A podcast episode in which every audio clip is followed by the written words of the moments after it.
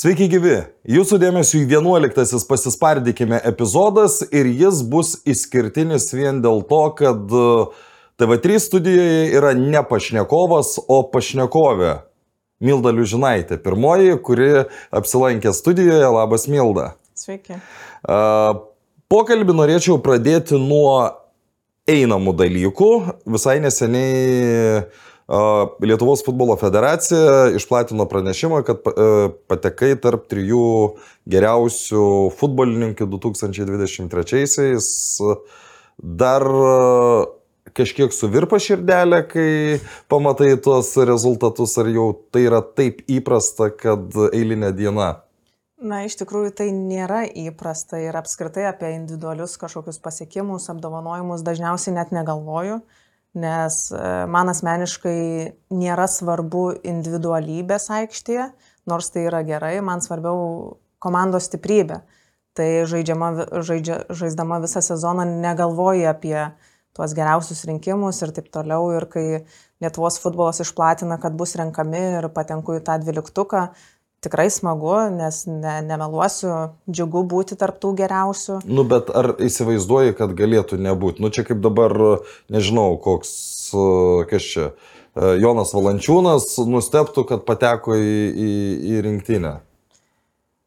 Nenustepčiau, jei manęs nebūtų tarp trejetuko. Tarp dvyliktuko. Tarp dvylikos. Tarp dvyliktuko gal taip, jaučiuosi gera žaidėja, bet tikrai, tikrai Lietuvos moterų futbolė yra tikrai vertų žaidėjų, kurios į tą patį dvyliktuką patektų ir į tą patį trejetuką.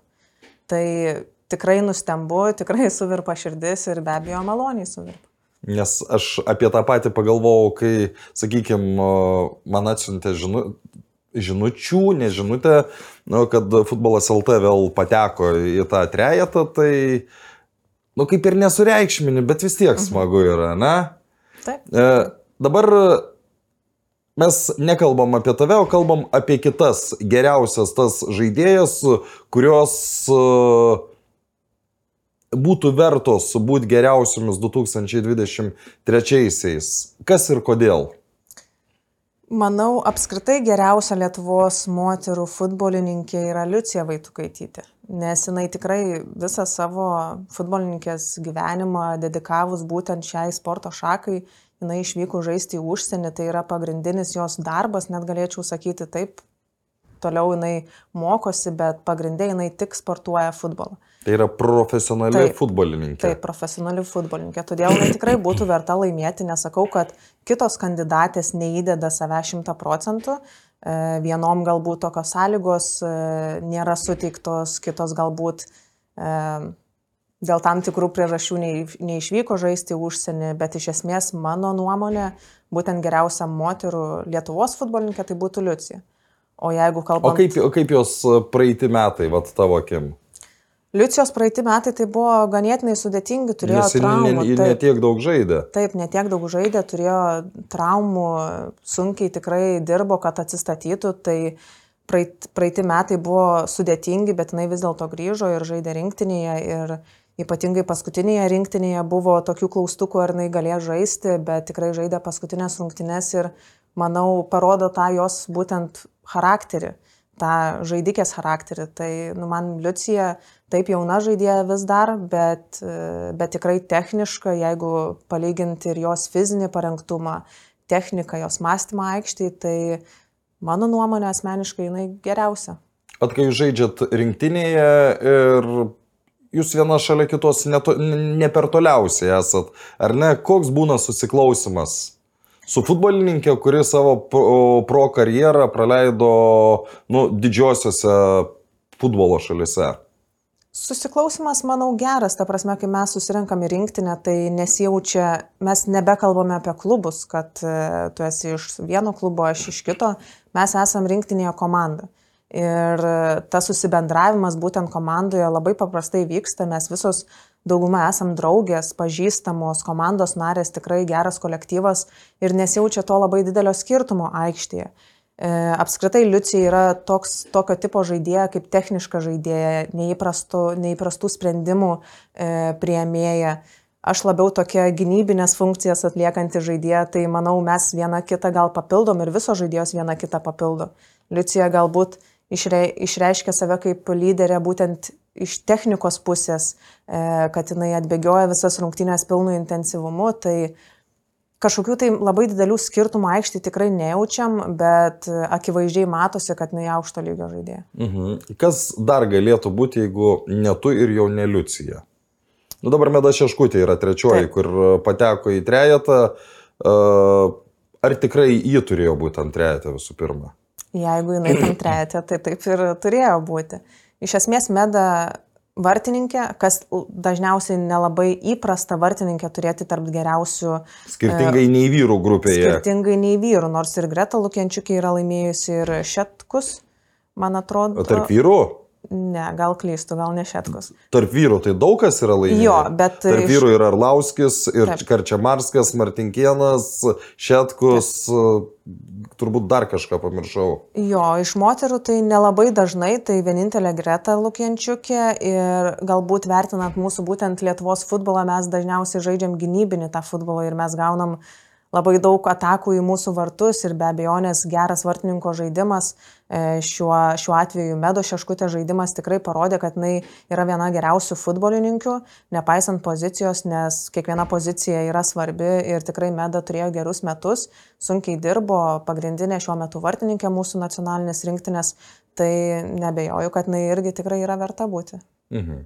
Dabar jau trejetai, dvyliktukai, kaip ir viskas aišku, bet nuo kažko turėjo tai prasidėti. Grįžtam atgal į nežinau kelintus metus, kai turbūt dar nežinojai, kad būsi futbolininkė, bet kažkaip futbolas atsidūrė gyvenime. Manau, kad ta istorija nėra kažkuom ypatinga. Visi pradėjom žaisti futbolą realiai kiemė su draugais, e, žaisdavom futbolą su... Tarp, ta, tarp bičių taip, tarp mergaičių Taip. tuo metu kelinti čia galėjo būti metai.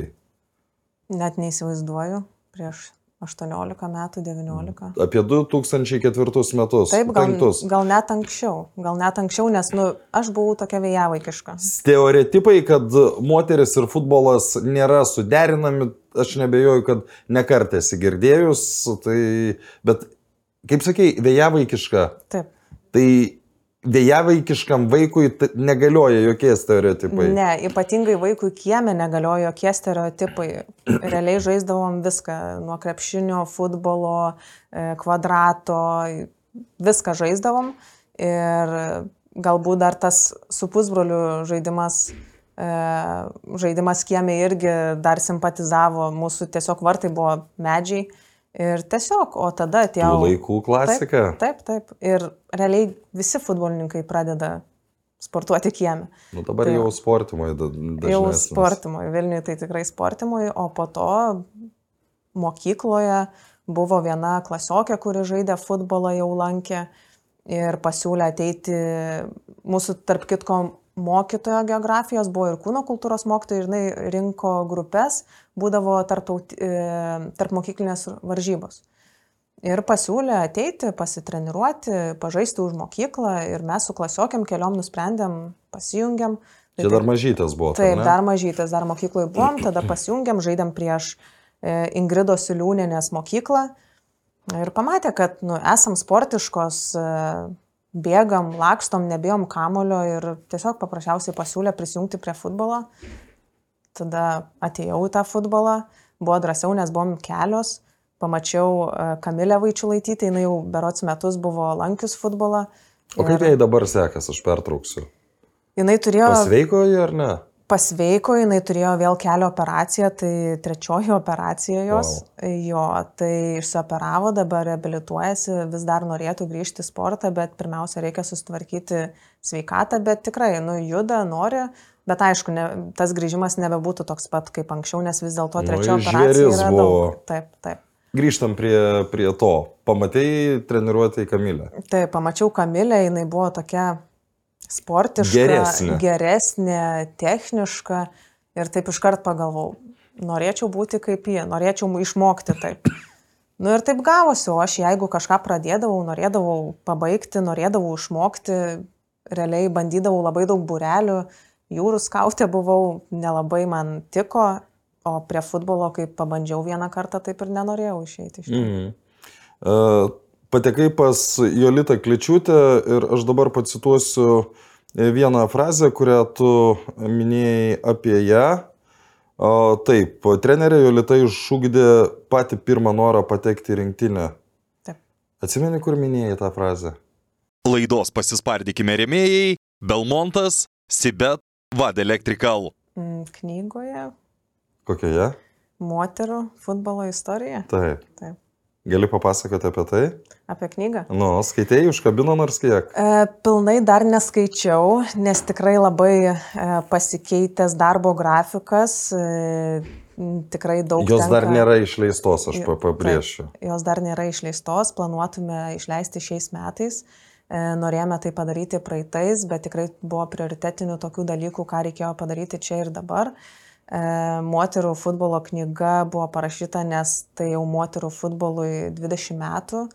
E, Tai Nu, čia nuo kai kurio laikotarpio, nes jeigu Taip. visą imtumėm, tai jeigu visą tai daugiau. 69 buvo pati pati pa- pradžia. Taip, tai iš Tai esmės. irgi galim sakyti, jubiliejus 55. Teisingai suskaičiau, taip. Greičiausiai. Ar šiam 5? Tai iš esmės, nu, moterų futbolo istorija yra įdomi nuo pat pradžių, kaip iš vis moterų futbolas buvo sustabdytas dėl sveikatos, e, kad kenkia, taip, kad kenkia sveikatai, o ką mes dabar turime, tai visiškai skirtinga istorija. Ir taip, Bet vad kaip e, jauna moteris, tu įsivaizduoji tokį dalyką, ar ne, kad sportuoji, sportuoji, ten sukanka kokį, nežinau, 19-20 metų ir tinkšt valdžia sako, ne, jūs moteris futbolo nebežaisit, nes kenkia jūsų grožiui ir sveikatai. apskritai aš daug dalykų Nesupranti. nesuprantu, kodėl, bet buvo tokia visuomenė, buvo tokie laikai, gal po 20-30 metų kažkas nesupras šiandienos. Tai viskas keičiasi ir džiaugiuosi, kad keičiasi į gerą. Džiaugiuosi, kad moteris nėra tik tai vaizduojamas kaip e, grožio etalonas, ar tik tai, kad jos turėtų būti gražios ir protingos, bet jos gali būti ir sportiškos. Aš galiu grįžti 30 metų atgal, aš atsimenu, kai buvo pati pradžia ir tuo metu dar rinkdavo ne tik geriausias žaidėjas, bet ir mis žaidėjas. Ir atsimenu, Aušra Kansė tuo metu Tvarijonaitė, ne, nu, bent jau vieną kartą tai tikrai yra laimėjus uh, tą vat, turn... Baltijos taurės mis, pavyzdžiui. Nu, aš galiu klysti su pavadinimu, bet kažkas tokio. Tai aš esu gavus vieną apdovanojimą. Kaip Mi- mis? Mis futbolininkė. Čia KAF, Kauno apskrities futbolo federacijos. Buvau išrinkta mis futbolininkė.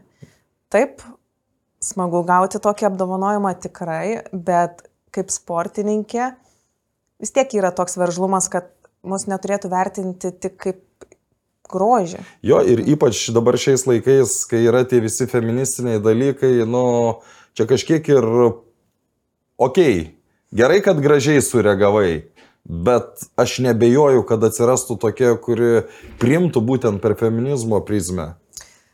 Mes Femi- dabar su tuo susidurėm visur, Taip, ne? taip. Bet feminizmo prizmė irgi lai, skirtingai kaip tu ją priimsi, nesinori apskritai, ką darai, jeigu kovoji už savo kažkokį tai įsitikinimą ar lygybę ir taip toliau, nereikia to daryti per, kaip sakant, kariauti dėl to ir kišti per prievartą. Tai tiesiog turėtų natūraliai gautis ir iš esmės tamis futbolininkė gauti man nebuvo vien tik neigiamos asociacijos. Man smagu buvo Bet gal dėl to, kad tu šiaip esi pozityvus žmogus, ar, ne, ar ne, negali tai būti? Galbūt, tikrai neneiksiu, kad esu pozityvus žmogus, bet iš esmės ne visi galvoja taip kaip tu.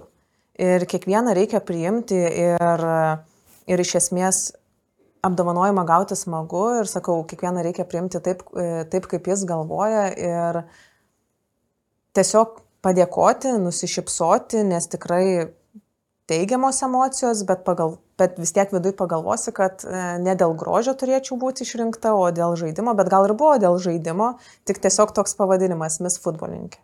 Bet sakau, čia jau buvo N metų atgal, tikrai nesureikšminių tokių dalykų, dabar e, vis dar išlieka tas stereotipas, kad moterys ir futbolas yra galbūt nesuderinamas dalykas, bet tikrai praėjus tiek daug metų jau mažiau girdžiu, kad e, moteris negali žaisti futbolo, nes vis tik ir visuomenė daugiau kalba ir e, moterų futbolo daugiau rodo, per tą pačią televiziją turėjom tautų, e, tautų rungtynės transliuojamas ir apskritai mane supantys žmonės jau visi žino, kad moterių futbolas egzistuoja ir jeigu aš einu kur nors, kur dar to nežino, aš būtinai pasipasakoju, pasakau, kad taip, moterų futbolas yra Lietuvoje. Grįžkim prie Jolitos e, pasakytų žodžių tau. Taip. Kodėl, kodėl jie buvo tokie svarbus? Nes, nu, mažai mergaitai, aš nežinau, ar tikrai nėra svarbesnių dalykų nei kažkur ten toli e, Lietuvos rinktinė. Juk tuo metu jį buvo labai toli. Tuo metu buvo labai toli, bet galbūt tas ir žavėjo, kad turi tikslą. Nes. Bet be iš karto abejo- jis užkabino, ar ne? Iš karto užkabino, bet čia priklauso. O, o čia turbūt- tik tave vieną ir tavo draugės, kurios kartu atėjo. Manau, kad ir mano draugės e, kiekvienas skirtingai priemam. Kai kurie žmonės labiau priema tą artimesnį tikslą, tokį greičiau pasiekiamą, nes jiem taip lengviau eiti žingsnis po žingsnio. Man asmeniškai turėti tą būtent e, tikslą, kur aš noriu būti ateityje, tai man labai užkabino, nes man rinktinė atrodė tokia kaip svajonė, kur visos geriausios žaidėjos, kur jeigu aš pamačiau, kaip Kamilė gerai žaidžia futbolą ir aš galvoju, taip, aš noriu būti kaip jinai, tai man ta rinktinė buvo tokia, kad aš būsiu tarptų geriausių žaidėjų ir aš taip irgi žaisiu. Tai man tikrai užkabino ir, ir man reikėjo to, nes dabar kartais atrodo vaikai kitokie, nes jie nori greitesnio tikslo, jiems sunku išlaikyti koncentraciją ir, ir atrodo kartais e, šiai dienai jiems ta rinktinė netrodo tokia svarbi, kaip mums buvo anksčiau. Bet iš tikrųjų čia vien dėl to, kad kartos keičiasi apskritai. E, Čia vėlgi ir nuo žmogaus labai Taip, priklauso. ir nuo žmogaus. Tai man asmeniškai tie žodžiai labai įstrigo, kad jūs turit patekti į rinktinę ir dėl to turit sportuoti. Tai man tas futbolas nebuvo tik hobis kaip laisvo laiko praleidimas po mokyklos, bet e, buvo ir ta vieta, kur aš noriu tobulėti ir kur aš noriu pasiekti kažką daugiau. O iš tų tavo draugių kažkas dar prasimušė iki rinktinės, ar čia tavo vienos įvykdytas tikslas? Būtent iš mokyklos. Iš tos, laikų- kur, kur, kur jūs kartu nuėjot. Taip, realiai su klasiokėme jau, tai taip į U19 rinktinę pateko, taip pat dar ir vėliau truputį metais prisijungusios žaidėjos irgi ir į U19, ir moterų rinktinę pateko. Ta prasme, tikrai buvo mano kartos e, žaidėjų, kurios su Jūs, manim dabar žinomas yra kaip futbolininkės. Taip, tai Agnė Žeglevičiūtė iš mano komandos, prisijungė šiek tiek vėliau, bet jinai tikrai ir, ir atstovavo ir nacionalinę moterų rinkinį, ir U19. E, kas dar ir Monika Peslekaitė, ta pati Kamilė. Ta prasme, tikrai yra mano iš, iš Kauno žaidėjų, kur, su kuriuom aš jau, nežinau, 17 metų, 16 metų kartu mes bendraujam, žaidžiam ir, ir, ir jos pa- pateko į rinktinį. Tai va dar vienas dalykas, kad jau užsiminėjai apie Kauną. Kaunas turi gilias moterų futbolo tradicijas, bet po to buvo tokia, nu kaip dobė, tuščia vieta ir domės kada nors, kodėl atsirado ta dobė. Apie kurią duomę? A, Kad buvo ta karta mano minėtos aušos, aušos, po to mm, Ingridos Siliūnenės, kas ten dar tada žaidė. Aušra Gorbuvienė. E, buvo, buvo ta labai labai stipri karta, kur jeigu nebūtų žlugus sąjunga, veikiausiai ten, nežinau, kokios keturias lietuvios turbūt būtų atstovavusios ir Sovietų sąjungai. Ir tuo met, kai ta karta nuėjo, buvo, nu, toks štilis Kaune. Aš manau, galbūt e, labai daug nežinau apie tuos senus Čia apie laikus. 2000-osius, aš taip plius minus. Tai labai daug nežinau, bet manau, e, tam tikras gyvenimo laikotarpis yra klubo ir priklauso nuo žaidėjų pačių kaitos.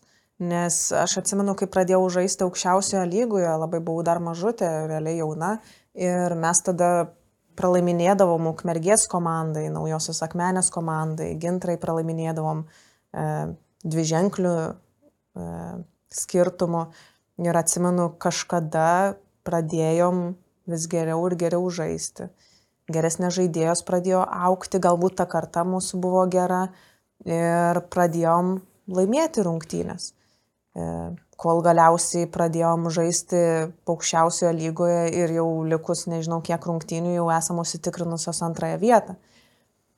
Manau, čia priklauso, sakau, nuo žaidėjų kartos, nes atrodo, tais laikais nebuvo tokio šiuolaikiško mokymo, treniravimo, kad prieš dešimt metų mus labai gerai treniravo, o dabar kažkodėl blogai treniruoja tie patys treneriai, bet neužaugo žaidėjos.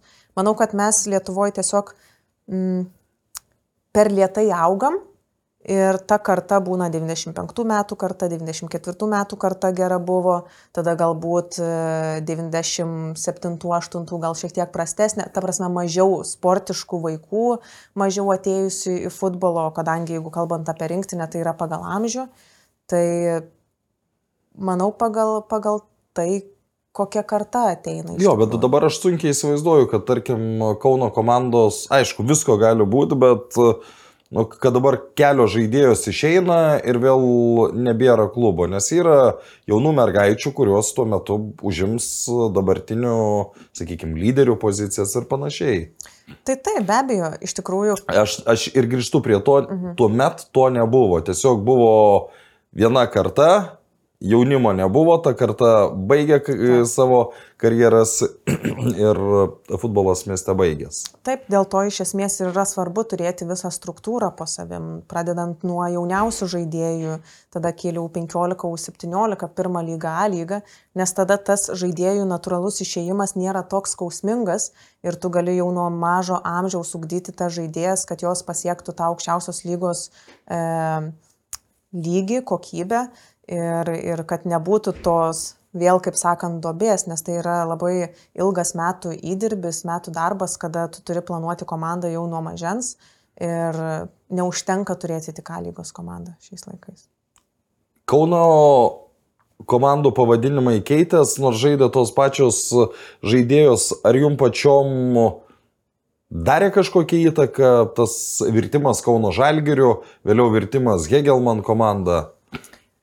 Įtakos realiai nedarė. Aišku, būdavo keista girdėti, kad nauja komanda žaidžia, nors komanda pati žaidėjos tai visiškai nenaujos, tik pavadinimas kitas. Marškinėliai kiti. Taip, marškinėliai spalva kita, bet iš esmės įtakos nedarė. Įtaką darė tik tai, koks yra klubo požiūris ir ką mes galime ką mes galime gauti, kad padaryti tą komandą stipresnę.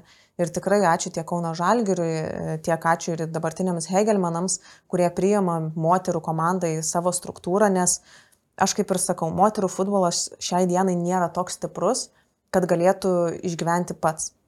Todėl be vyrų, be vyrų pagalbos, e, vyrų futbolo pagalbos, moterų futbolas tikrai dar lėčiau auktų. Todėl labai geras yra sprendimas, kai, kai vyrų komanda turi visą struktūrą nuo mergaičių, berniukų, moterų, vyrų. Tada mes galime matyti visą futbolo piramidę ir, ir investuoti tiek į moterų futbolą, kur moterų futbole tikrai dar yra daug e, nepasiektų aukštumų. Mhm. Buvo tikslas pakliūti rinktinės, tas tikslas pirmas buvo pasiektas U17 rinktinėje ir prasidėjo pirmos kelionės į mitais apipintą šventupę. Kas ten tokio būdavo baisaus, apie ką dabar sklinda legendos? Iš esmės. E, Kiek metų buvo, kai, kai pirmą kartą sulaukė U17 kvietimą? Turbūt 15, greičiausiai. E, nes tuo metu nebūdavo U15 rinktinės, tuo metu tik būdavo U17, U19 ir moterų nacionalinė rinktinė. Tai e, negaliu sakyti, kad būdavo baisaus, nes tais laikais tai buvo normalu. Jeigu dabar palyginti, ką turi žaidėjos rinktinėse ir ką turi... 15 žaid... metį dabar nuvežtum Taip. į tų laikų šventų, per ne? Taip, nors 15 metėm, tai realiai, kai esi vaikas, tau nėra svarbu. Tau pradeda kilti e, poreikis geresniems sąlygom, kai jau tampi šiek tiek vyresnė. Bet iš esmės, kas šventupiai? Šventupiai nieko nebuvo, būdavo mėgam mančių žinių, valgyti atsivežam iš namų arba duodavo maistpinigius realiai, tai nusipirkdavom ten vietoj, aprangą gaudavom tik tai...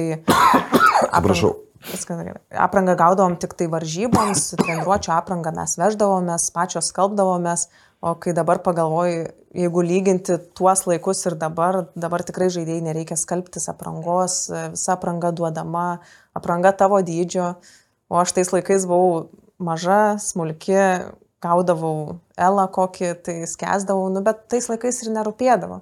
Tais laikais, aišku, nežinodavai, kas gali būti geriau, tai ką gaudavai, tu džiaugdavais. Tu džiaug... 15 metai gauti nacionalinės rinktinės marškinėlius buvo įvykis. Taip, įvykis ir man iš esmės džiaugsmas būdavo gauti ir marškinėlius, ir būti su geriausiam žaidėjom. E, po to to žaidėjos tapo mano draugės ir tiesiog laudavau kiekvienos rinktinės, kad, galėt, kad galėčiau tik tai žaisti ir būti su draugiam. Viskas, ko man reikėjo tuo metu. O atsimeni pačią pirmą išvyką, vis tiek turbūt jauduliukas buvo, važiuoju kur, dar turbūt tėvai neša to tokio dramos, kad kaip čia bus, kur čia mes savo jauną mergaitę išleidžiam. Galbūt aš buvau šiek tiek drąsesnė ir mano tėvai nebuvo taip išsigandę manęs išleisti kažkur, nes visada buvau tokia, galėčiau pasakyti, stipri mergaitė.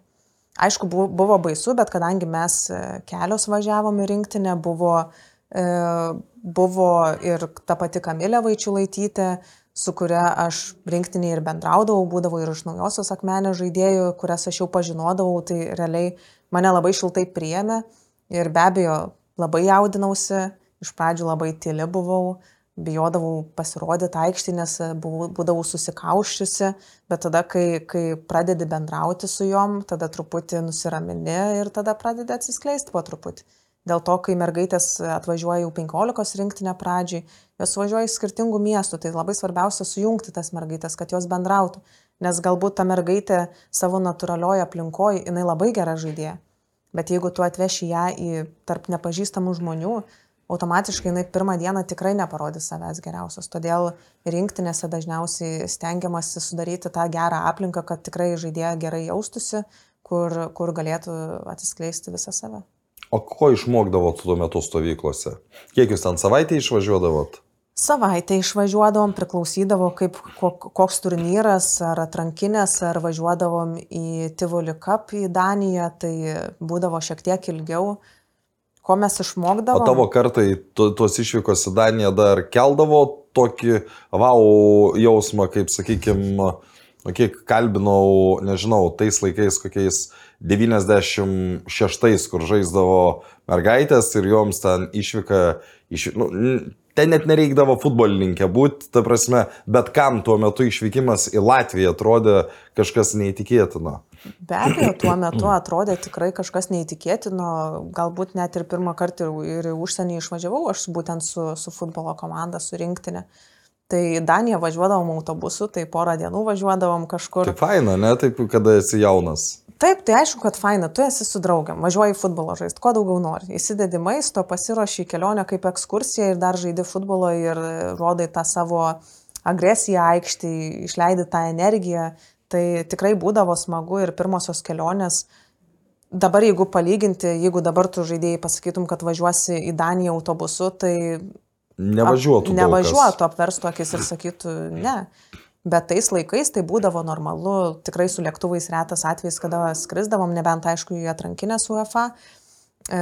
Nes priminsiu, Rainierų vizėjų nebuvo, viskas kainuodavo didelius pinigus. Taip, tai, tai taip, tos kelionės, pirmosios kelionės labai būdavo smagu, baisu, bet dabar prisiminu, prisiminus, tai tikrai. Nostalgija, geri, ne? Jo, nostalgija, tikrai geri prisiminimai, kai pagalvoji ir gali palyginti, kaip tas futbolas auga, kaip tos sąlygos gerėja. E, tai taip, tikrai nostalgija. Mhm. Nu, pralaimėdavot jūs dažnai dideliais skirtumais, ypač jeigu žaisdavot su Skandinavijų komandom, nu, kur vis tiek lygis visiškai kitoks. Kiek stipriai e, keisdavo norą žaisti, kai tu ten, nežinau, gauni 0-11, pavyzdžiui. Aš nežinau, ar tiek buvo, bet aš taip jau... Aišku, kad būdavo. Aš esu ta žaidėja, kur patyriau ir, ir labai didelių pralaimėjimų, ir labai didelių pergalių. Esam kažkada ir laimėję labai didelių skaičių, bet galbūt tam pačiam Tivoliu kapė. Mhm. E, bet iš esmės, ar keisdavo norą? Ne. Būtent man. Kaip, kaip rūbinė atrodydavo, kai gauni 0-11, nu tu supranti, kad va čia yra lygis, o mhm. kur mes esam? iš esmės, aišku, rūbiniai nuotaikos nebūdavo geros, bet aš galbūt toks žmogus, kur man nepatinka jaustis auka. Ir man labai piktis verda, kai tu po pralaimėjimo, po pirmo kėlinio grįžti rūbinę, nuleidus galvą ir sėdi ir nenori eiti į antrą kėlinį. Tai kam tada iš vis žaisti futbolo, jeigu tu nuleidi galvą po pirmo kėlinio taip, tu gauni, tarkim, 11-0, bet tai yra skirtumas, ar tu gausi 12-0, ar tu gausi 20-0. Tos mažos pergalės aikštė ir tas, tas mentalitetas, kad jeigu tu išeini, kad ir kokią pergalę, bet tu turi tą mažą pergalę pasimti, kad ir iš pralaimėjimų. Ir manau, galbūt tie pralaimėjimai e, ir išūkdė tą norą vis dėlto daryti taip, kad tokių pralaimėjimų didelių nebebūtų ateityje. Buvo U17 ir kažkada atėjo diena, kai pravėrė jau nacionalinės rinktinės duris. Jeigu taip lygintum pirmą išvyką į U17 stovyklą ir jau į moterų stovyklą, aš vėl, aš neatsimenu, kas tuo metu ten buvo lyderės rinktinės, bet nu, vis tiek, jums jauno mergaitėm tai buvo žvaigždės. Taip, taip. Kas tuo metu lyderis buvo? Manau, tuo metu lyderės tai dar Rita Mažukelytė žaidė, Viktorija Budrytė, Imanalyjevo žaidė. Aha. E, Jurga Mačiakonytė turbūt. Su Jurga aš nesu žaidus. Aha. Jo, tai su tom. Bet čia ta karta yra. Taip, ta karta. tai iš esmės, jeigu lyginant, kaip važiavau į U17 ir kaip važiavau moterų nacionalinę rinktinę, į moterų nacionalinę rinktinę. Jau ten viena važiavai, ar irgi su, su kažkuom? Kai kurios žaidėjos jau ten buvo, bet realiai iš mano kartos, būtent 95 mūsų draugių, tai aš viena važiavau. Tai buvo ekstra super duper baisu. Nes jau žinau, kas yra futbolas, žinau, koks lygis gali būti. O kiek tau metų? 17? Labai sunku pasakyti, bet greičiausiai 17 buvo. 17 ar net 16 gal. E, buvo baisu, nes e, galvau, ką aš tokia mažutė ten veiksiu, ar aš tikrai verta čia būti, mane išleis į aikštelę, mane nustums. Bet, e, bet labai ir džiaugiausi tuo pačiu metu, nes norėjau įrodyti, kad galiu aš žaisti toj rinktinį ir ateis mano laikas, kada aš joje ir žaisiu. Todėl turiu stengtis, turiu mokytis iš tų vyresnių, e, bandyti imti maks, ką galiu iš trenerių, iš kitų žaidėjų ir man buvo garbė žaisti su geresniem žaidėjom. Tai buvo labai baisu, bet, bet labai patiko. Mhm.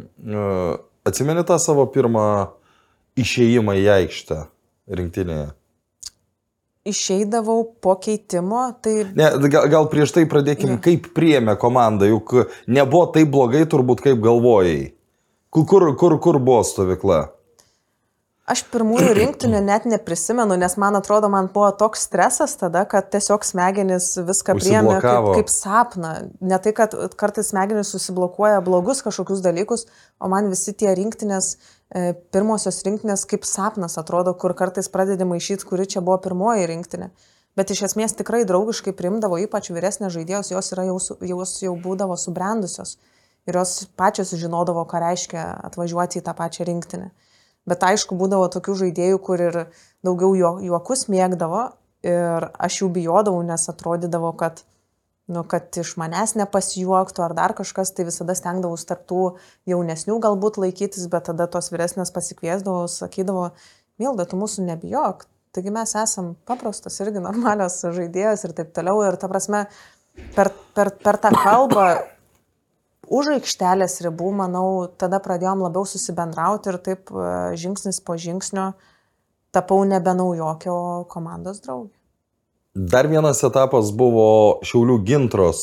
E, Šiaulių gintroje, kas man iki šiol yra nu, sunkiai suprantama, kai Europiniam turnyram pasikviečia iš savo varžovų žaidėjų. Yra buvę beje ir net e, krepšinėje e, atvejais, kai Kauno Žalgiris e, iš kitų komandų pasikviesdavo moterų futbole to yra buvę daugiau ir Gintras susikviesdavo tas geriausias žaidėjas, kaip atsimeni, va, tą etapą, kai nežinau, ten Rimantas Viktoravičius ar ka- kas paskambino, sako, reikia pagalbos. Aš atsimenu, kai man pirmą kartą pasiūlė, man pasiūlė, man atrodo, po rinktinės e, Viktoravičius, kad ar norėtum vasarą pasitreniruoti su mūsų klubu Gintra. Mm, dar Tu nieko. tuo metu jau K- Kauno kažkurios komandos žaidėjai, ar ne? Taip, taip, žaidžiau Kaune, žaidžiau aukščiausioje lygoje ir po kažkurios rinktinės man pasiūlė, ar norėčiau prisijungti vasarą pasitreniruoti dėl čempionų lygos. E, Gal jo ir sakė apie čempionų lygą ir taip toliau, E, bet aš pirmąją vasarą atsisakiau, nes tada turėjau e, traumą su keliu, berots buvo meniskas ir nebuvau, nu, realiai nesenai buvau gavus, dar reikėjo magnetinį rezonansą darytis ir taip toliau. Ir aš atsakiau, kad nevažiuosiu, nes noriu išsigydyti traumą ir tada nesijaučiau, kad aš galėčiau tame gintros lygyje žaisti ir tarptautinėse rungtynėse, nes mm, dar tokia, sakau, ne, nepilnos formos buvau ir tiesiog jaučiau, kad dar ne. Bet tada antrais metais pasiūlė ir tada sutikau, bet sutikau su tokiu požiūriu, kad bus labai faina pasitreniruoti su stipriausia šalies e, komanda. Nu Vis tiek čia iš Taip. esmės tas pats, kas su rinktinė treniruojas. Realiai taip, realiai taip, visas pagrindas nacionalinės rinktinės ir buvo gintra tuo metu. Ir mane pakvietė pasitreniruoti ir galvau, okei, okay, aš nieko nesitikiu, kad iš vis gausiu žaisti toj čempionų lygui, nes e, aš iš Kauno e, gintro žaidėjos yra žymiai geresnės, važiuosiu vasarą pastoviklauti su juom, atiduosiu maks, pasitreniruosiu, galėsiu kažką išmokti naujo iš trenerių. Ir važiavau tikrai be kažkokių kažkokių įsitikinimų, kad galbūt žaisiu, bet labai gerai sekėsi, turėjom stovyklą rojų ir net, labai, net ir iki dabar prisiminsiu, kaip e, treneris Viktoravičius priejo ir manęs paklausė, ar aš treniravausi papildomai, nes e, gerai atrodžiau, nes mes ten su berniukai žaidėm draugiškas ir sakiau, ne, nesitreniravau, bet turbūt tas man e, postumis buvo e, ta motivacija, kad aš esu su geriausiam žaidėjom ir atiduoti kiek galiu. Ir tada labai nustebau ir labai apsidžiaugiau, kai gavau žaisti ir beveik turbūt visas rungtynės žaisdavau e, startinėje sudėtyje. Tai buvo kaip iš klubo pusės ir apskritai, kiek mes pasiekėm su Gintra tais metais. Čia kurie metai buvo? Čia 2.14 berots. Čia kas tuo metu buvo? Tada pirmą kartą išėjom iš grupio etapo. Tai tada tie buvo metai, tai buvo geriausi metai ir komanda labai gintros buvo gera, dauguma lietuvių, visos labai gerai sutardavo, susibendraudavo ir pirmą kartą istorijai patekom iš, iš, iš grupių ir atsimenu, kaip džiaugiamės ir galvau, taip, tai mano kaip futbolo žaidėjos buvo vieni geriausių metų, nes e, pasiekėm istoriją tuo metu ir po to karto taip toli nebuvom nuėję, nes mes buvom nuėję iki top 16, iki 8 finalo. Bet čia ne tie metai, kai Barcelona buvo. Ne, ne, jau tais metais. Tai va tada buvo daugiau pa- pasiekta turbūt. Mm, Nu, ta, tada taip, tada kai su Barcelona, tada... ar, ar, ar, ar įsivaizduoji, jeigu, aš nežinau, ar tai įmanoma yra, bet jeigu vat, dabar kitą vasarą sulauktum tokio paties pasiūlymo, ar apskritai bent svarstytum, Mato, tais laikais galėjai žaisti už dvi komandas realiai. E, Aukščiausiai lygui galėjai žaisti už savo komandą, o čempionų lygui žaisti už gintrą. ai, dabar net neįmanoma turbūt yra. Dabar yra, dabar yra griežtai žiūrimi transferio langai, tai jeigu tu pereini, tarkime, dabar turėsim transferio langą vasario 1, balandžio 1 dienomis, e, kitas antrasis transferio langas yra Liepos 15. Tai tegu bus tas klausimas hipotetinis tada. Jeigu viskas kardinaliai pasikeičia ir, ir gintra vėl sako, Milda, reikia vasarai tavęs. Tai jeigu aš vasarą pereičiau, tai turėčiau visą antrą Ne, ne, ne, aš, sezoną. da, aš, ir aš, aš, žaisti. aš darau hipotetinį, e, e, čia hipotetinė prielaida, kad to nereiktų daryti. Tu gali po to Jeigu- vėl grįžti. Lygiai taip pat, kaip buvo prieš dešimt Tai metų. be abejo, Žaistum. be abejo, žaisti tarptautinės rungtynės, tai taip. Jeigu būtų tokios sąlygos, kad tiesiog pasijungti prie komandos, va, kada mūsų klubas ilsis ir taip toliau, vasarą pasitreniruoti ir žaisti čempionų lygui, padėti komandai pasiekti daugiau, jeigu įmanoma, ir tai kodėl ne? Tik aišku, reikėtų apsvarstyti visus kitus niuansus, kas vyksta mano gyvenime, kaip e, darbas ir taip toliau, bet ta prasme, jeigu hipotetinis klausimas, tai žinoma norėčiau. Tai Kas galėtų- yra taip. atsakymas. Taip, kas nenorėtų žaisti tarptautinėme lygmenyje? Žaidimas žaidimu, darbas yra darbas. E, Atsimeni tą laiką, kai Vilma pakvietė prisijungti prie darbų moterų asociacijai. Taip, atsimenu, buvom rinktiniai, Kipre buvom Ir manęs Vilma paklausė. Tada... Vilma Šeškaitytė Zurzė. Taip. E, moterų futbolo mama, kaip aš vadinu. Tuo, tuo metu ji buvo antras žmogus, turbūt, visoje federacijoje, ar ne? Nu, po prezidento. Ar ne? Moterų asociacijai? Jo. Taip, tai dar Vytautas Tutlys. Nu, imkim, bet vis tiek jau grėtinėlė. Taip, tai iš esmės prisimenu, buvom Kiprė ir aš tuo metu rinktinėje buvau ir rašiau bakalauro darbą ir manęs Vilma paklausė, ką tu veiksi po studijų. Sakau, dar nežinau. Nes tikrai negalvojau. Čia turbūt nieko. 22 kokie metai, ar ne? Nu, jeigu bakalaurinis. Nu, tai plius minus. Plius minus. 20-21 metai man tada buvo. Tai negi tu 16 pradėjai mokytis. Aš pradėjau mokyklą, man tik suėjo šeši nes, metai. Nes, nes, nesvarbu, tu buvai dar labai labai jauna. Labai jauna, 20-21 man metai buvo, nes aš anksčiau pradėjau mokyklą. Ir, ir greičiau viską realiai baigiau. Ir manęs paklausė, ką tu, nori, ką tu veiksi po to. Sakau, nežinau, nes dar negalvau, žaidžiau futbolą, tiesiog galvau gal, gal į užsienį žaisti, bet tuo metu net nebuvo tiek daug pasiūlymų kaip dabar. Ir jis sako, gal tu norėtum pabandyti dirbti su moterų futbolu. Galbūt sakiau. Ir tada kažkaip ir praėjo ta kalba ir taip toliau. Rašiau bakalauro darbą sporto turizmas, futbolo renginių pavyzdžių, nes vis tiek buvau šalia, žinodavau, kaip kas vyksta ir taip toliau. Ir tada buvo atviras konkursas moterų asociaciją, o moterų asociacijų tuo metu buvo viskas ir čempionatai, ir rinktinės. Ir buvo konkursas ir sako Vilma, ar tu siuntėjai CV? Sakau, nesiunčiau. Sako, tai nusiųsk. Sako, pabandyk, nueisi pokalbį, nieks per galvą neduos, pabandysi, pažiūrėsi, gal tau nepatiks, gal, gal tu mum nepatiksi ten ir taip toliau. Nu, nuvažiuok. E, o man buvo tas kabliukas, kad reikės į Vilnių persikraustyti. O man patiko žaisti Kaune, norėčiau kažką su Kaunu sėti. Arba... Kavenskas, ne? Taip, taip, tuo metu taip. O dabar? Irgi Kavenska, okay. jeigu taip galima pavadinti. Bet dabar man realiai visa Lietuva yra kaip e, mano namai, nes visur yra futbolas, tai, tai bet Kaunas yra mano mhm. širdis.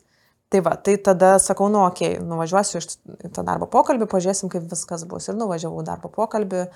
E, buvo, neprisimenu dabar jos vardo, bet e, federacijos, e, federacijos moteris, kuri mane kalbino, klausė įvairių klausimų ir taip toliau. Ir sako, okei, okay, ačiū, pos, per savaitę informuosim, ką mes galvojam, ar siūlom, ar nesiūlom. O kokias pareigas jau žino? Administracijos vadovė. Tai per ją visi ir darbuotojai eidavo į pokalbius ir taip toliau. Jis, man atrodo, jau amžinatilis yra. Čia Vaiva galėjo būti, ar ne? Taip. Turbūt Vaiva Zizaitė. Taip. Tai žodžiu, tai... Nuostabus žmogus buvo. Taip. Taip. Nu tikrai malonu buvo ir man visai darbo pokalbį nebuvo baisu, kai man po to Vilma sako, labai lengvai tu tam darbo pokalbį buvai, nes jaudinai, nereikėjo nieko į rankas paimti ir man tas labai užstrigo, nes o galvau, o ko man jaudintis, jeigu aš nieko nesitikiu, aš tiesiog atėjau pasikalbėti, kaip, kaip viskas čia atrodo ir taip toliau. Ir tada sako, tai po savaitės pranešim, tada tik grįžau į Kauną ir man skambina, sako, nu, turi kelias dienas apgalvoti, mes norim. Laidos pasispardykime remėjai - Belmontas, Sibet, Vad Electrical. Ir tada viskas, susikviečiau draugę, susitinkam, ką daryti. Nes kraustytis į Vilnių baisu, nes noriu žaisti už Kauną, ir taip toliau, bet tada pakalbėjom ir sakau, nu jo, reikia keisti kažką, reikia judėti prieki, reikia pabandyti. Priimu pasiūlymą, moterų futbolė dirbti man patiktų, aš esu futbolininkė, aš žinau, kaip viskas vyksta, man sakė, kad galėsiu ir toliau sportuoti. Tai sutikau ir realiai išvažiavau dar pagyventi Vilnių metus tuos. Mhm. Patiko iškart? Ar, ar buvo klausimų, kad per daug biurokratijos, per daug popierių? Patiko iš karto, nes iš karto dirbau. Iš karto dirbau su rinktiniam kaip vadybininkė. Ir tuo metu Vilma išėjo dekretiniu ir iš pradžių man gal, nežinau, labai trumpą laiką turėjom kada apsimokyti ir taip toliau, bet man nebuvo sunku, nes iš rinktinės pusės aš labai daug ką žinau, kaip kas vyksta, nes būdavau viduj viską matydavau, kaip, kaip, kaip yra, ko reikia žaidėjom, ko reikia žinoti ir taip toliau. Tik iš tų tam tikrų techninių klausimų reikėjo susižinoti. Bet gal man patiko tas, kad galėjau ir pati mokintis, pati imti informacijos, nes Vilmos kiekvieną dieną šalia nebūdavo, todėl man buvo tas paskatinimas su kolegom pašnekėti, kaip jie daro, kaip aš galiu padaryti, galbūt savo kažkokią sistemoje kažkokią įsidėkti. Tai man patiko iš karto, bet buvo tikrai labai daug darbo, nes tuo metu dirbdavau viena su visomis rinktinėmis ir nebūdavo nei kit menedžerių jokių, tai ir pati ir tašės turėdavau dėtis ir po stovyklų, jeigu mes turim už 17-19 rinktinę vienu metu, tai nu, tu ne tik vadybininkė, bet dar ir tašės turi sudėti ir po, po, po rinktinės dar tašės tas iškrauti į didelius maišus, nusinešti, kad išvežti po to skalbimui kitam, kitai dienai. tai patiko. Jeigu nebūtų patikę, tai dar dabar aš nedirbčiau moterų futbole. O įsivaizdavai tą, e, tą kartą, kad e, tu kažkada gali tą pačią Vilmą pakeisti ir jau būti irgi toj pačioj grėtinėliai. Ne. Neįsivaizdavau. Kaip apskritai priemiai, va, dabar pereikime tą laiką, kai Vilma nusprendė pasitraukti ir kažkas turėjo užimti jos vietą. Iš esmės labai buvo daug pasikeitimų tais metais, nes e, dirbau, dirbau kurį, kurį laiką rinktinių departamente federacijoje, tai yra tik rinktinės vadybininkė, rinktinių vadybininkė. Ir e, atėjo naujas techninis direktorius Reinold ir pasiūlė pereiti į techninį departamentą, tai nebebūtų vadybininkė, o dirbti iš techninės pusės su treneriais, e, su projektais, strateginiais klausimais ir taip toliau kas man patiko, nes aš jau norėjau keisti savo darbo pobūdį, nes jau man buvo jau atsibodi tik vadybininkės darbas ir aš žinau, kad aš jau pakankamai daug informacijos savo galvoje prisirinkau, kad aš galėčiau prisidėti prie techninių dalykų, kaip toliau vystyti tą būtent moterų futbolą, apskritai futbolą ir nebenoriu tik tos vadybininkės darbo, kur tiesiog stovyklą suorganizuoji baigai, stovyklą suorganizuoji baigai. Aš dar pertrauksiu, netrukdo, ne, ne, niekada netrukdė, vat, tie visi vadybiniai dalykai, suž... nu, juk tu visą laiką likai ir futbolininkė, Taip. nebuvo taip, kad tu mestum futbolą dėl kažkurios savo darbo veiklos. Trukdyti, aišku, trukdė kažkiek, ypač jeigu rinktiniai būdavau tiek žaidėja, tiek vadybininkė, tai reikėdavo... Kaip, kaip, tas, kaip tas vyksta? Žinot, kaip sakoma, kuo daugiau turi veiklos, tuo daugiau viskas spėji. Tai Žinau tą. taip, tai kažkas būdavo panašaus, aišku, būdavo sunku, reikėdavo persiverst, kada susiruošti rungtynėm ir kada susiruošti rungtynėm kaip žaidėja, dar psichologiškai nusiteikti. Ir Bet kiekvienais... čia jau šito nežinau ir kažkaip Taip. jaučiu, kad nu, visko sukoncentruoti šimtų procentų, man atrodo, kad tai yra neįmanoma. Jeigu tinkamai susiplanuoji, buvo tuo metu įmanoma, nes nebuvo tokios aukštos kartelės e, padarytos. Vis kasmet moterų futbolas augo ir taip pat ir reikalavimai už, už, iš UEFA augo. Kada mes pradėjom, mes anksčiau žaisdavom atrankinės Europos grupių etapas. Susirenkam vieną stovyklą, sužaidžiam tris rungtynės ir Ir ramu, Po to pasikeitė sistema, žaidžiam e, namų išvyką principų su kiekviena komanda ir jau įsitempė tas, e, iš, išsitempė tos stovyklos, tas sezonas ir pradėjom, kad mes net važiuojam į šalį ir jau gaunam viską, o mes važiuojam į tą šalį ir mes turim susirasti viešbutį, visas sąlygas, e, skrydžius ir taip toliau nuo, nuo nulio iki, iki, iki dešimt. Tai iš esmės, kai pradėjo aukti ta tie reikalavimai, važiuoti rungtynių dieną 10 ryto į susirinkimą, pasitvirtinti aprangas, e, securičiai, visi ten e, techniniai dalykai, tada grįžti į viešbutį, susirinkimas su komanda, ruoštis rungtynėm ir tada išvažiuoti į rungtynės. Tai tikrai darė, pras, pradėjo darytis vis sunkiau ir sunkiau ir mačiau, kad man jau psichologiškai, kadangi ir intensyvumas rungtynių augo ir svarbumas rungtynių augo, e, jau darėsi tiek psichologiškai, tiek fiziškai sunku ir jau treneris irgi pradėjo sakyti, kad Milda, mums reikia vadybininko ir aš jau pradėjau pati sakyti, man reikia vadybininko, nes aš negaliu pilnai save šimtų procentų atiduoti kaip žaidėja arba negaliu save šimtų procentų atiduoti kaip vadybininkė. Nes tikrai būdavo ir kažkokių tai problemų iškildavo tą pačią rungtynių dieną. Tai Jo, ir aš- gerai, kada taip. gerai, ar ne? Taip, ir aš jausdavausi kalta, kad e, aš pavargau prieš rungtynės kartais. Ir tikrai negaliu atskleisti visos istorijos, bet buvo tokia situacija, kur buvo tikrai maks stresinė situacija rungtynių metu, kada buvom Šveicarijoje, dar prieš Šveicariją žaisti tokio aukšto lygio komandą, o man tiek buvo daug streso, kad man net bloga buvo. Ir bet viską susitvarkiau, viską suorganizavau, bet tada vakare rungtynės ir aš jau jaučiausi pavargusi. Tai ir aš sakiau treneriui, aš jaučiuosi pavargusi. Jeigu jūs matot, kad aš negaliu pasirodyti gerai rungtynėse, tai Tegul žaidžia kita. jo iš esmės, bet, bet aš žinau, kad manęs paklausia, ar tu gerai jautiesi ir visada treneriai klausia, ar tu gerai jautiesi. Aš sakau, kad taip, nes aš žinau, jeigu aš eisiu, aš atiduosiu šimtą procentų. Ir aš pamiršiu, ką, ką dariau prieš tris valandas. Nes taip yra, kai tu įžengi į aikštelę, tu pamiršti viską.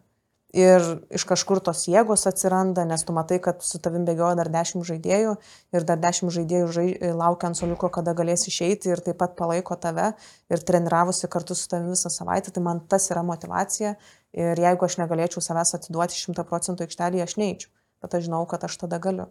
Tai jeigu grįžtant prie to atsakymo, ar trukdydavo, tai po to pra- pradėdavo trukdyti, todėl e, gavom vadybininką ir galėdavau pilnai būti šimtą procentų žaidėja. O kur sunkiau būdavo ruoštis ne futbolininkai, o čia administratoriai, ar Lietuvoje, ar užsienė? Ruošti stovyklą? Ne, ne stovykla, o rungtynėms, tarkim, su ta pačia Šveicarija. Ar Šveicarijoje sutar dėl tų visų marškinėlių, ar Lietuvoje? Nu vis tiek Lietuvoje, aš įsivaizduoju, kad Lietuvoje daugiau visko yra, nes nu, tu turi paruošti. Tai Išvyko iš, iš darbo kažkaip- pusės turiu. Aha. Iš darbo pusės tai paprašiau Lietuvoje, nes vis tiek prie rungtynių organizavimo kaip organizatoriai, tai vis tiek mes turime atsakingus LFF departamentus, kur e, atsakingi už tą patį organizavimą. Aš važiuodavau kaip vadybininkė, kur tiesiog atsiveža aprangas ir taip toliau. Tai iš esmės, kur paprasčiau, tai paprasčiau Lietuvoje, nes visi savi ir jeigu kas, tu gali lengvai pakeisti aprangos spalvą, kažką pasimti, jeigu pamiršai, žinai, kad čia viskas vietoje yra ir yra kolegos, kurie tikrai padės ir taip toliau. Užsienį, tai ten standartai, ten labai daug ko nėra, tai iš esmės net negalėčiau pasakyti, kur lengviau, kur, kur sunkiau, bet jeigu pačią stovyklą organizuoti, tą, tuos visus išvykimus, tai tikrai užsienį, nes ten nieko nepažįsti, turi žinoti atstumus, nebuvai viešbutį, nežinai ir infrastruktūros ir taip toliau, bet paprasčiau dirbti yra Lietuvoje tikrai, bet užsienį mes gaunam kartais labai geresnės sąlygas. Tai va, grįžkim dabar jau ten, kur nutolom, tai yra prie, prie vadovės pozicijos. Taip, jo, labai nutolom. Tai negalvojau, kad būsiu, kad galėsiu kada būti Vilmos pozicijoje. Ir sakau, tais, e, tais metais man pasiūlė pereiti į techninį departamentą, aš sutikau. Ir tada Vilma sako, aš planuosiu išeiti, ar tu norėtum į mano vietą. Sakau, Nustebino, kai tą pasakė, ar ne? nustebino, bet man yra minėję, kad norėtų gal, kad ateityje aš būčiau tas žmogus, į kurį remtųsi moterų futbolas ir žinau, kad aš... Ne, ne, aš turiu omeny, kai Vilma pasakė, kad galvoja apie išėjimą.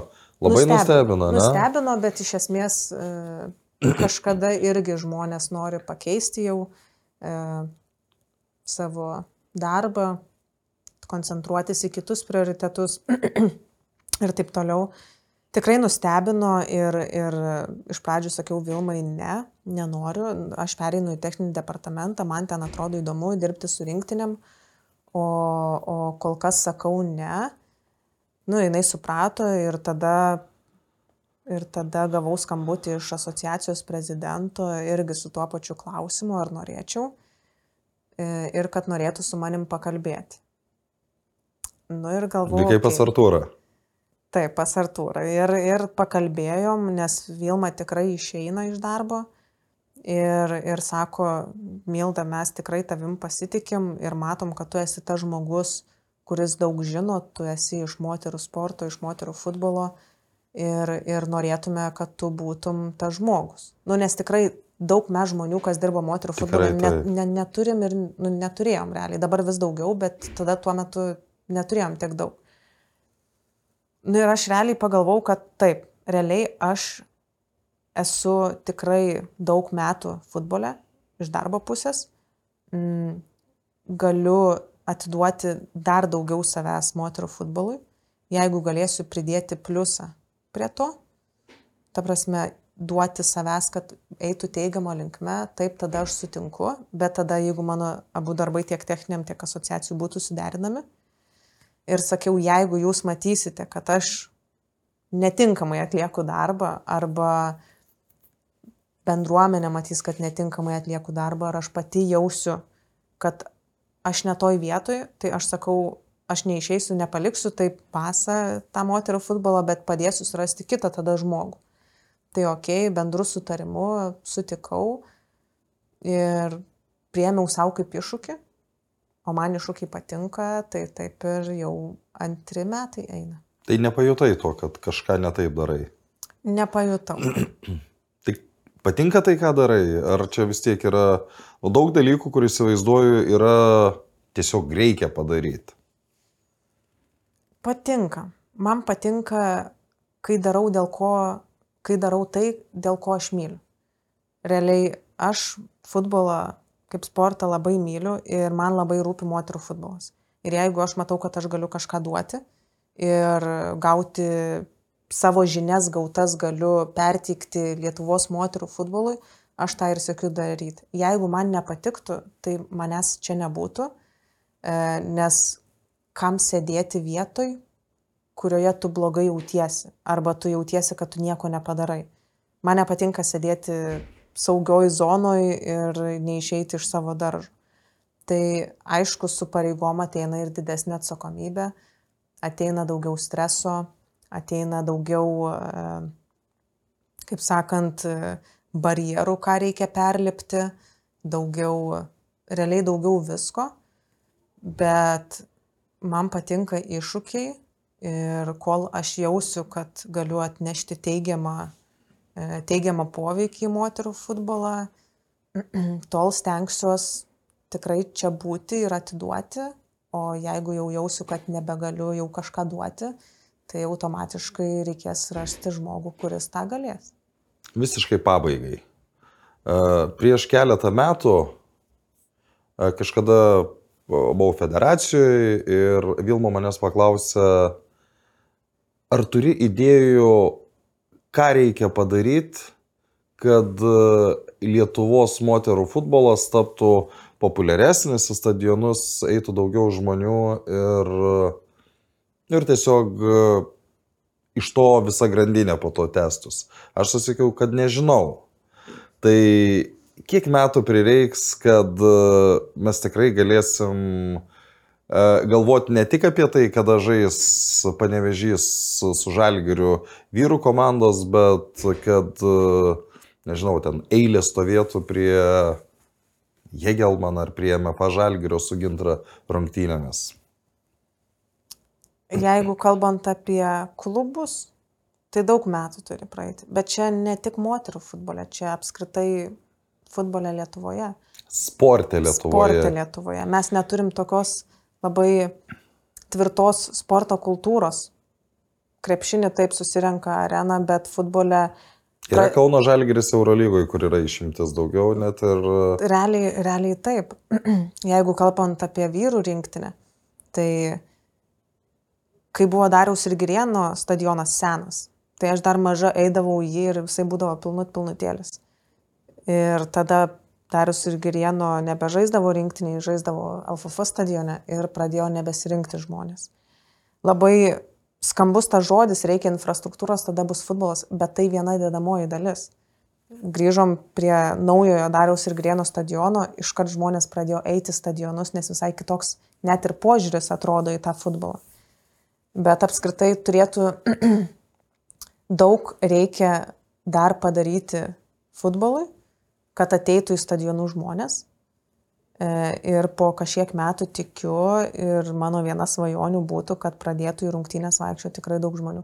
Bent jau pradžiai tiek ir moterų, vyrų, jaunimo rinktinės rungtynės pradėtų vaikščioti žmonės, o ką jau bekalbant apie klubus, į klubų rungtynės, bet tada jau turi būti labai stiprus klubai, kurie įtrauktų tą futbolo bendruomenę, kad jie ateitų ne tik žiūrėti sporto, bet ateitų kaip į renginį, sporto renginį, kaip šeimos renginį Nes mes, jeigu kalbam apie apskritai ir bendraujant su AFA ir e, workshopuose dirbant, futbolas nėra tik sportas, tik aikštėje. E, ką mes matome ir dabar ir vyrų klubuose, ir rinktinių e, rungtynėse, kad dar prieš rungtynės vyksta e, fanų zona vyksta, koncertai vyksta, renginiai ir taip toliau, kad pritraukti, kad tai yra šeimos diena, tai yra draugų diena, tu ateini, tu gauni kažkokią tai pramogą, tu ateini pasižiūrėti sporto ir tada išeini iš stadionų.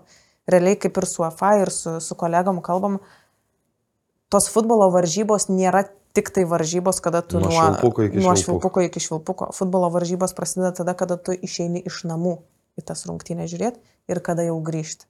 Tai viskas. Ir pasiekiamumas, ir prieš rungtynės, kas vyksta, ir po rungtynių, kas vyksta iki tavo grįžimo namo. Tai iš esmės, kai mes pradėsim kalbėti apie tai, kaip padaryti tuos renginius patrauklius, e, praleisti laisvą laiką žmonėm, tada tikrai pradės daugiau rinktis žmonių į stadionus ir be abejo ta pati kultūra turėtų atsirasti. Tai buvo paskutiniai žodžiai ištarti Mildos Liužinaitės. Pasispardykime, šiandien yra baigtas, ačiū tau. Ačiū labai. Sybet, lošimo automatai, lažybos, ruletė, stalo lošimai. Neatsakingas lošimas gali sukelti priklausomybę.